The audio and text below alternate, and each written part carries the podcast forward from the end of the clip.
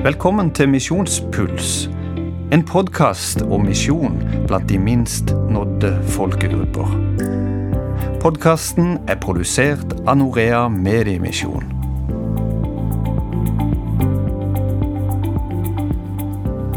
Ja, velkommen til en ny episode av Misjonspuls. Du eh, lytter nå altså til Misjonspuls fra Norea Mediemisjon. Mitt navn er Roald Arnesen, og jeg jobber som eh, informasjonskonsulent i Norea. Jeg heter Jostein Sett, og jeg er prosjektrådgiver i Norea Mediemisjon og har eh, blikket litt utover til prosjektene våre ute i verden. Og med oss i dag så har vi Per Virkelig, som er daglig leder i Norea. Velkommen, Per. Hjertelig takk. Det var fint at jeg skulle få være med dere i dag. Og Grunnen til at du er med oss i dag, det er fordi at vi skal snakke om Indonesia som, eh, som er et sted der vi har to prosjekter. Vi skal komme inn på det ene prosjektet i dag. Og eh, du har litt spesiell kompetanse på stedet, Per. Fortell hvorfor. Ja, jeg var så heldig å få reise som utsending til Indonesia for en del år tilbake, da, sammen med familien min. Så i januar 2008 så, så dro vi ut og, og bodde da i, i, en by på Nord-Sumatra i fire og et halvt år. Det er her er noe av det spennende med Norea, synes jeg. At eh, man har en sammensetning av mennesker som har både mye reiseerfaring, eh, erfaringer fra ulike land, bodd og levd litt. Eh, og så har en, en Sammen så er det masse kompetanse inn i organisasjonen, også i forhold til de ulike landene. Så det er jo kjempespennende å ha en Indonesia-ekspert om bord her. Det er strålende. altså. Veldig bra. Så Litt om landet før vi går inn på prosjekt, og hvorfor vi har prosjekt, og hva det går ut på. Eh, jeg tok et raskt søk på Google eh, på fun facts om Indonesia. Det er jo et svært land. Og det består... Men nå Per skal bekrefte om de fun factene stemmer. Jeg kan bare stå og nikke her og anerkjenne Det er iallfall mange Jeg vet at du, du bor jo på ei øy, Flekkøya. Per. Her er det rett og slett et land som består av øyer. Hvor mange? Ja, det spørs hvor store hold man må være for å liksom ei øy. Men, men det er iallfall godt over 17 000 er de fleste enige om. Ja. Men det bor jo ikke folk på alle øyene, da. Nei, Hvor mange folk som cirka bor der i Indonesia? Ja, Nå er det vel rundt 280 millioner mennesker, altså. Ja, en god del. Det øker noe voldsomt. Da, da vi reiste hjem, så var det ca. 250 millioner. Stemmer det at det er det landet med det største antall muslimer i verden? Ja, det stemmer. De er, ja. Det er suverent størst i den forstand. Ja. Fjerde største land i verden, det syns jeg er litt interessant, for vi hører ikke så ofte om det. Vi hører om Kina, ikke sant, 1,5 milliarder, og så har du da India, 1,3 eller 2, eller hva det er. Og så kommer USA med noen og 300 millioner.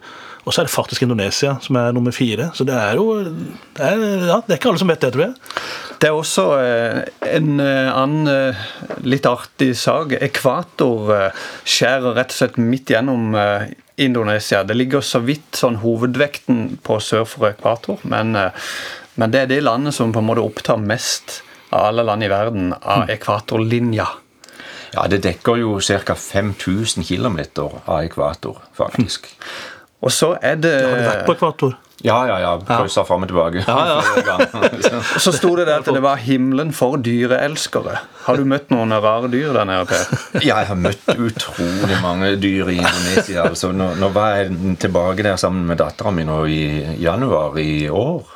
Og da var vi på jungeltur. Overnatta ute i jungelen da, i en gapahuk. Og, og, og, da så vi eh, en slange oppi et tre der. Vi hadde to slanger giftslanger og, og eh, en stor og en, en liten babyslange. Mm. Og orangutanger i massevis. Og andre typer apekatter. Og Verdens største øgle sto det òg eh, at eh, Indonesia huser. Verdens største øgle. På størrelse med et menneske omtrent. Og, og, og veldig giftig. Og den, har du, den, har du, ikke møtt? Har du, ja, nei, har, har du slåss med den? Nei, jeg, jeg har sett den bare i en dyrepark på Bali. Men de bor jo på øya Komodo. Der, der lever de vilt, altså. Og det er jo faktisk en, en drage lignende øgle, det her. Så det kommer røyk ut av neseborene. Og, og, wow. og så, så det, det, er mange som uh, hevder at uh, når kineserne har framstilt dragen som, som en sånn ildsprutende sak, så, så er det komododragen som de har mm. hatt i tankene. Hmm. Og så, så er det rett og slett mye annet som spruter ild. Det er vulkaner i fleng på Indonesia. Ja, det er 139 vulkaner. ja, det er voldsomt. Vi, vi, hadde jo en vulkan bare et par timers kjøretur ut av byen der vi bodde. To, to aktive vulkaner, faktisk. Ja. Og vi var oppe på den ene av de en del ganger, faktisk. Og den andre, som hadde hvilt i over 400 år, ble plutselig også aktiv da mens vi bodde der. Så det er jo litt fascinerende. Ja. Ha. Og så er det litt, en litt annen kultur eh, enn vi har i Norge. Eh, selvfølgelig. Men hva, hva, vil du beskrive med, med kulturen i Indonesia? Og, ja, enten eh, du snakker om mennesker der, eller du snakker om det, ånde, det åndelige klimaet. Eh, kan du gi oss noen tanker og erfaringer derfra? Ja, altså det, det er jo en veldig sammensatt uh, nasjon. Indonesia består jo av, av flere, mange hundre folkegrupper med forskjellig kultur og, og forskjellig språk. Men det som kjennetegner de alle, er en voldsom vennlighet og åpenhet. og en, en uh, episode som illustrerer det, kan kanskje være da, da vi ble bedt i et uh, bursdagsselskap sammen med, med et annet uh, vennepar. Da. Han var i Indonesia, og, og kona var fra England. Og da han mannen tok seg en tur ut etter hvert og, og, og gikk ut på gata, så så spurte han etterpå da han kom inn igjen om, om han hadde venner der i området. liksom som Nei, nei, han hadde ikke noen venner, men han bare gikk ut og fant noen nye noen. liksom. og, og, det var veldig enkelt i Indonesia, også for meg, å, å få nye venner og bekjentskap. og det, Folk er så imøtekommende. og Går du en tur langs uh, gater og streder der, så, så, er det ikke sjelden at du blir invitert inn på en kaffekopp eller en tekopp hos vilt fremmede som du aldri før har sett. Bare du stopper opp ut forbi gjerdet deres og kikker på det, liksom. Det minner jo litt om Flekkerøy.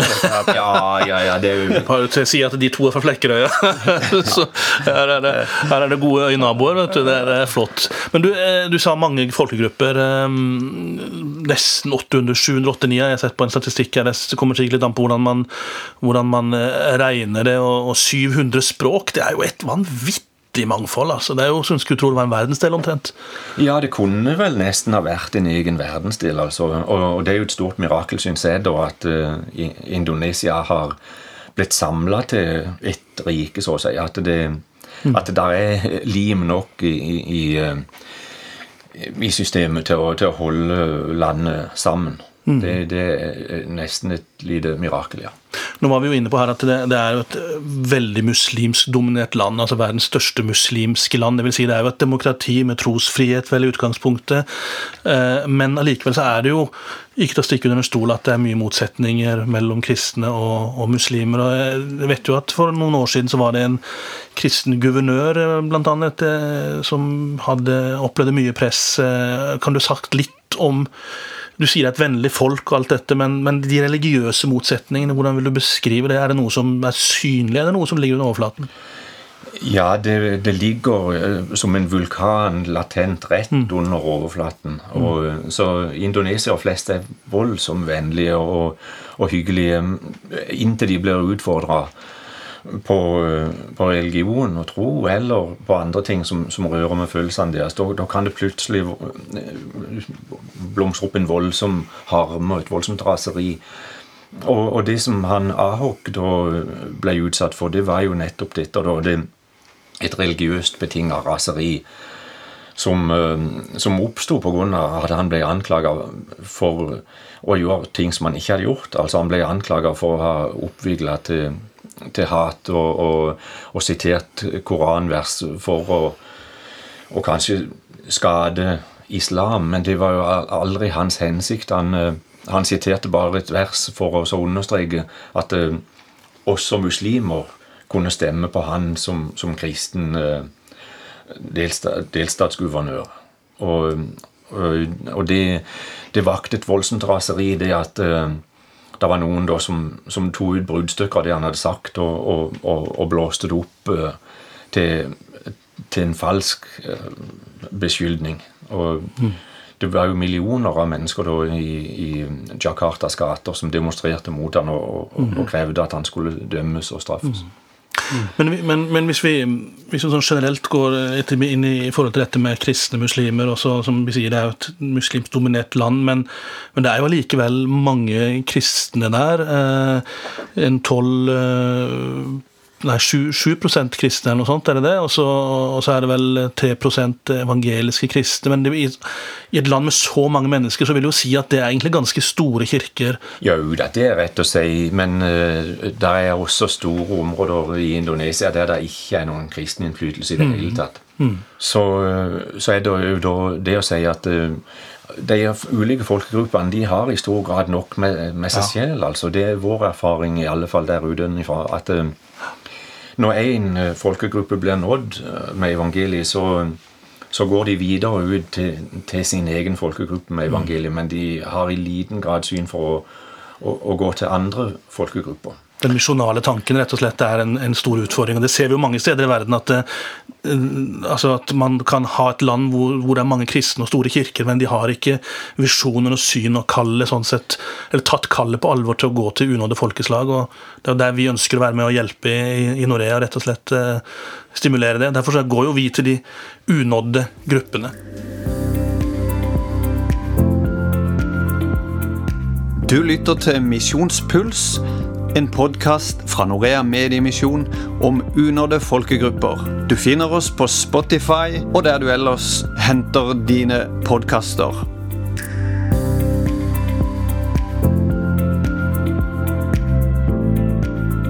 Vi har jo eh, som navnet vårt Norea Mediemisjon tilsier, så har vi hovedfokus på medie, mediemisjon. Også i det prosjektet som vi skal snakke om her nå. Hvordan er det med mediemisjon? Er det effektivt i uh, Indonesia? Ja, det er ikke alle på langt nær som har råd til et TV-apparat. Heller ikke radio for den saks skyld, men det er langt vanligere da, at folk kan klare å skaffe seg en radio. og så, så, er det en utfordring å, å, å, reise inn og bosette seg i mange områder, også for uh, nasjonale. Mm. Det, det, er mye enklere og i mange tilfeller den eneste muligheten å, å, bruke medier for oss å nå, nå ut til nye grupper. Da.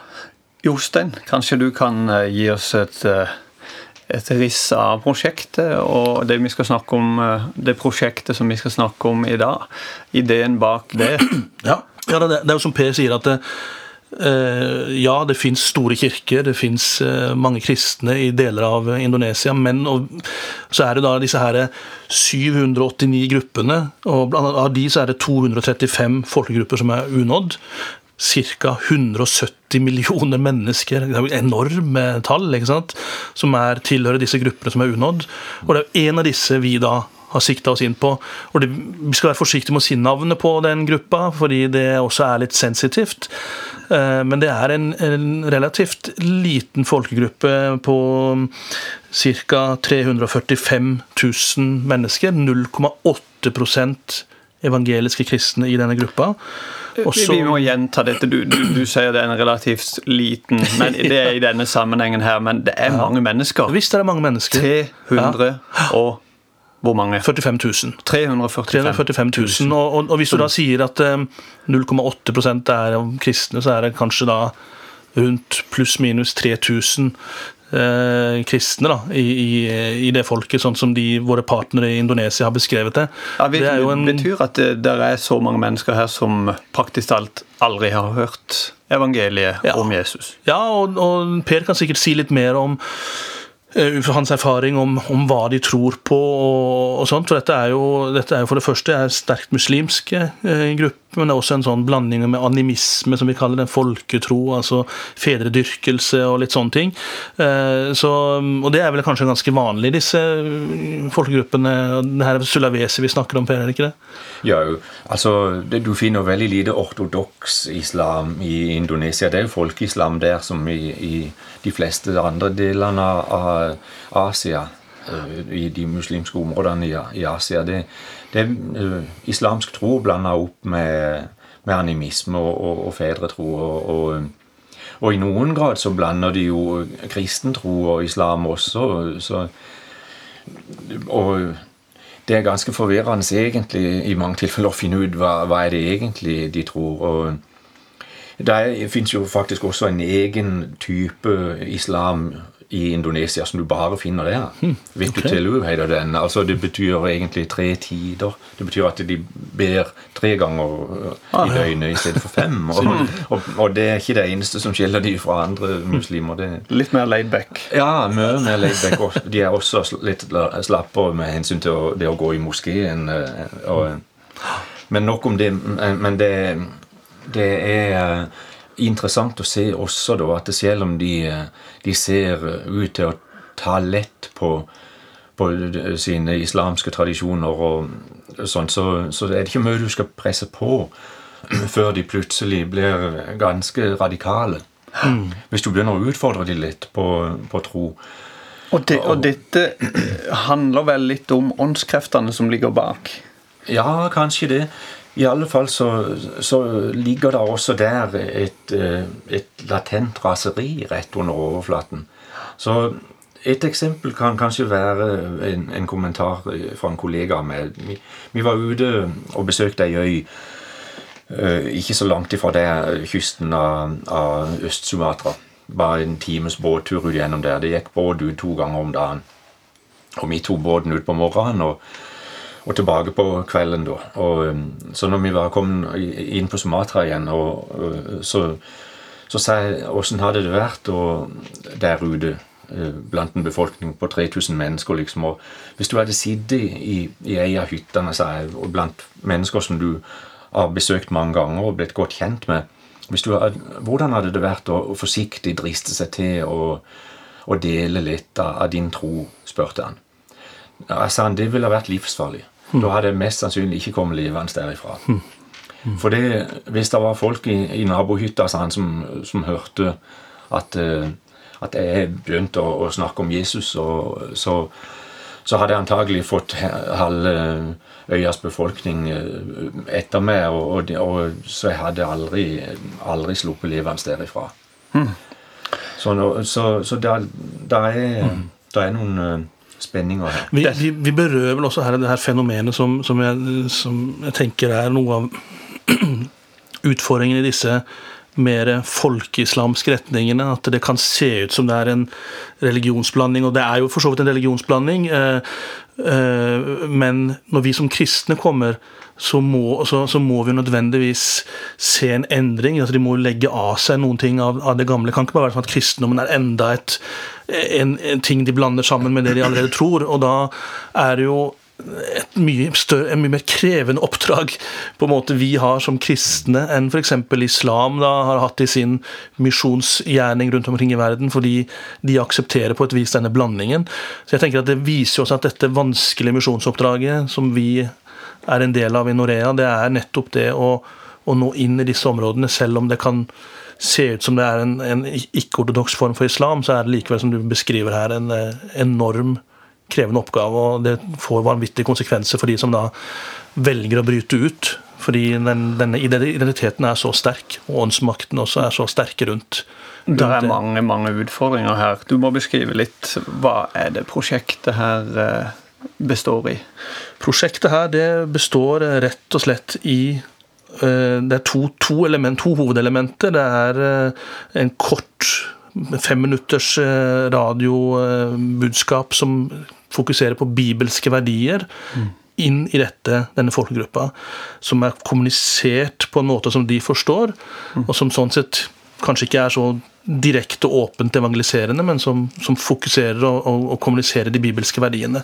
Så Det er det ene. Det andre er et, en dramaserie som er spilt inn i en familiær, familiær setting, en familiedrama, hvis det går an å si det sånn, som beskriver hverdagssituasjoner som også der har bibelske verdier. Um, Knytta til eh, hva det vil si å være far, hva det vil si med relasjoner, far, eh, foreldre, barn f.eks. Men også inn i deres sosiale liv. altså De er eh, såkalte pastoralister, driver med landbruk og helsespørsmål osv. Så, videre. så dette er en hva skal vi si, en en forsiktig tilnærming, men nettopp av den grunn som Per har beskrevet så tydelig her. At vi kan ikke bare komme inn dit og liksom eh, åpent komme med over en åpen bibel, eller noe sånt som vi har her i Norge. Vi må, vi må begynne forsiktig og, og, kommunisere ikke minst veldig kontekstualisert. Da, og være relevant. Tilpassa, veldig relevant ja, inn i det sitt liv. Det at det er på det lokale stammespråket, er det er det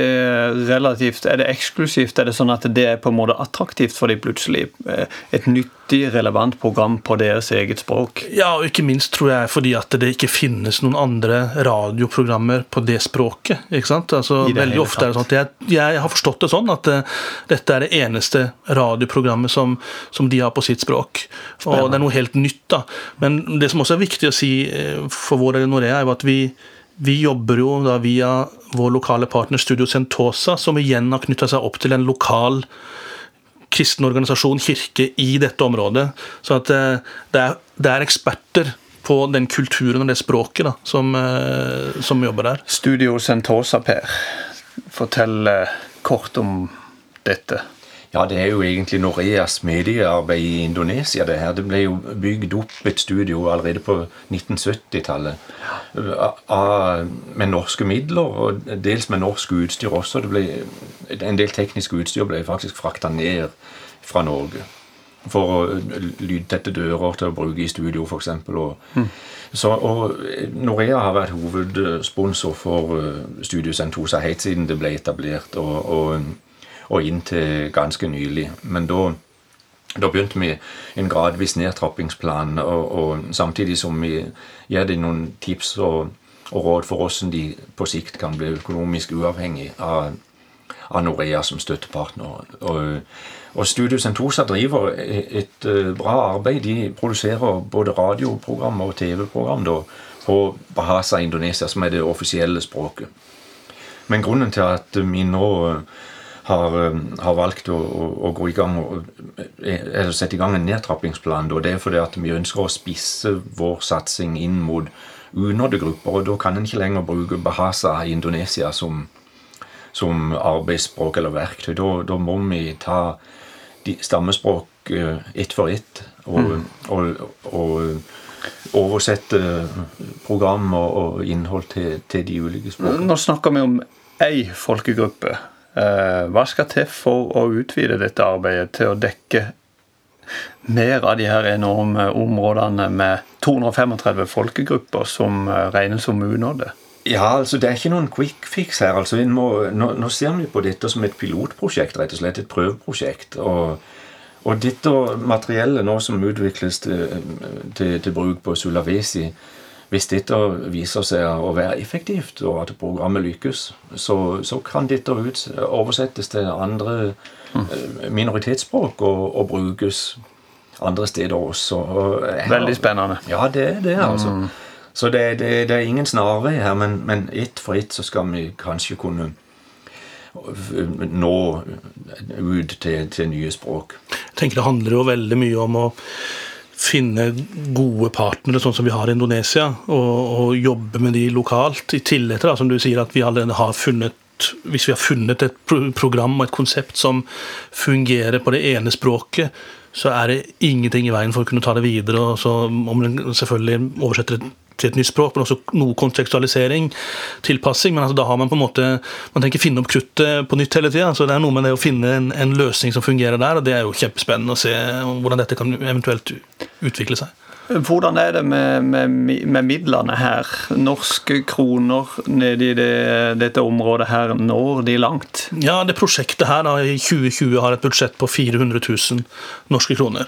Og Det er primært da det året her at de produserer programmene. Det er produksjonsåret. Det er liksom det er, hva skal vi si for noe, um, hovedåret der de mest, mest kostnadskrevende aktivitetene er. da. Så 400 000 kroner i året nå i 2020, så, så uh, når vi veldig langt med dette. Det. Og for de som hører på denne podkasten her uh, i 2021 eller uh, seinere, så, så, går det an å gå inn på norea.no og se og følge utviklinga der. Der får du masse informasjon om alle våre prosjekter blant unådde folkegrupper. Og eh, nå eh, skal vi gå imot en eh, avrunding her av denne podkasten, og vi håper at du som lytter har fått et bra innblikk i dette pionerprosjektet som det egentlig er i det, i det her spesielle landet som Indonesia er. Finn ut mer på norea.no, og eh, lytt til våre podkaster på Spotify. Eh, Norea produserer i dag jevnlig fire forskjellige podkaster, så de finner du der. Mitt navn det er Roald Arnesen. Jeg heter Jostein Sett, og så har vi hatt med oss vår gode sjef. Per Birkeli. Takk for følget og på gjenhør.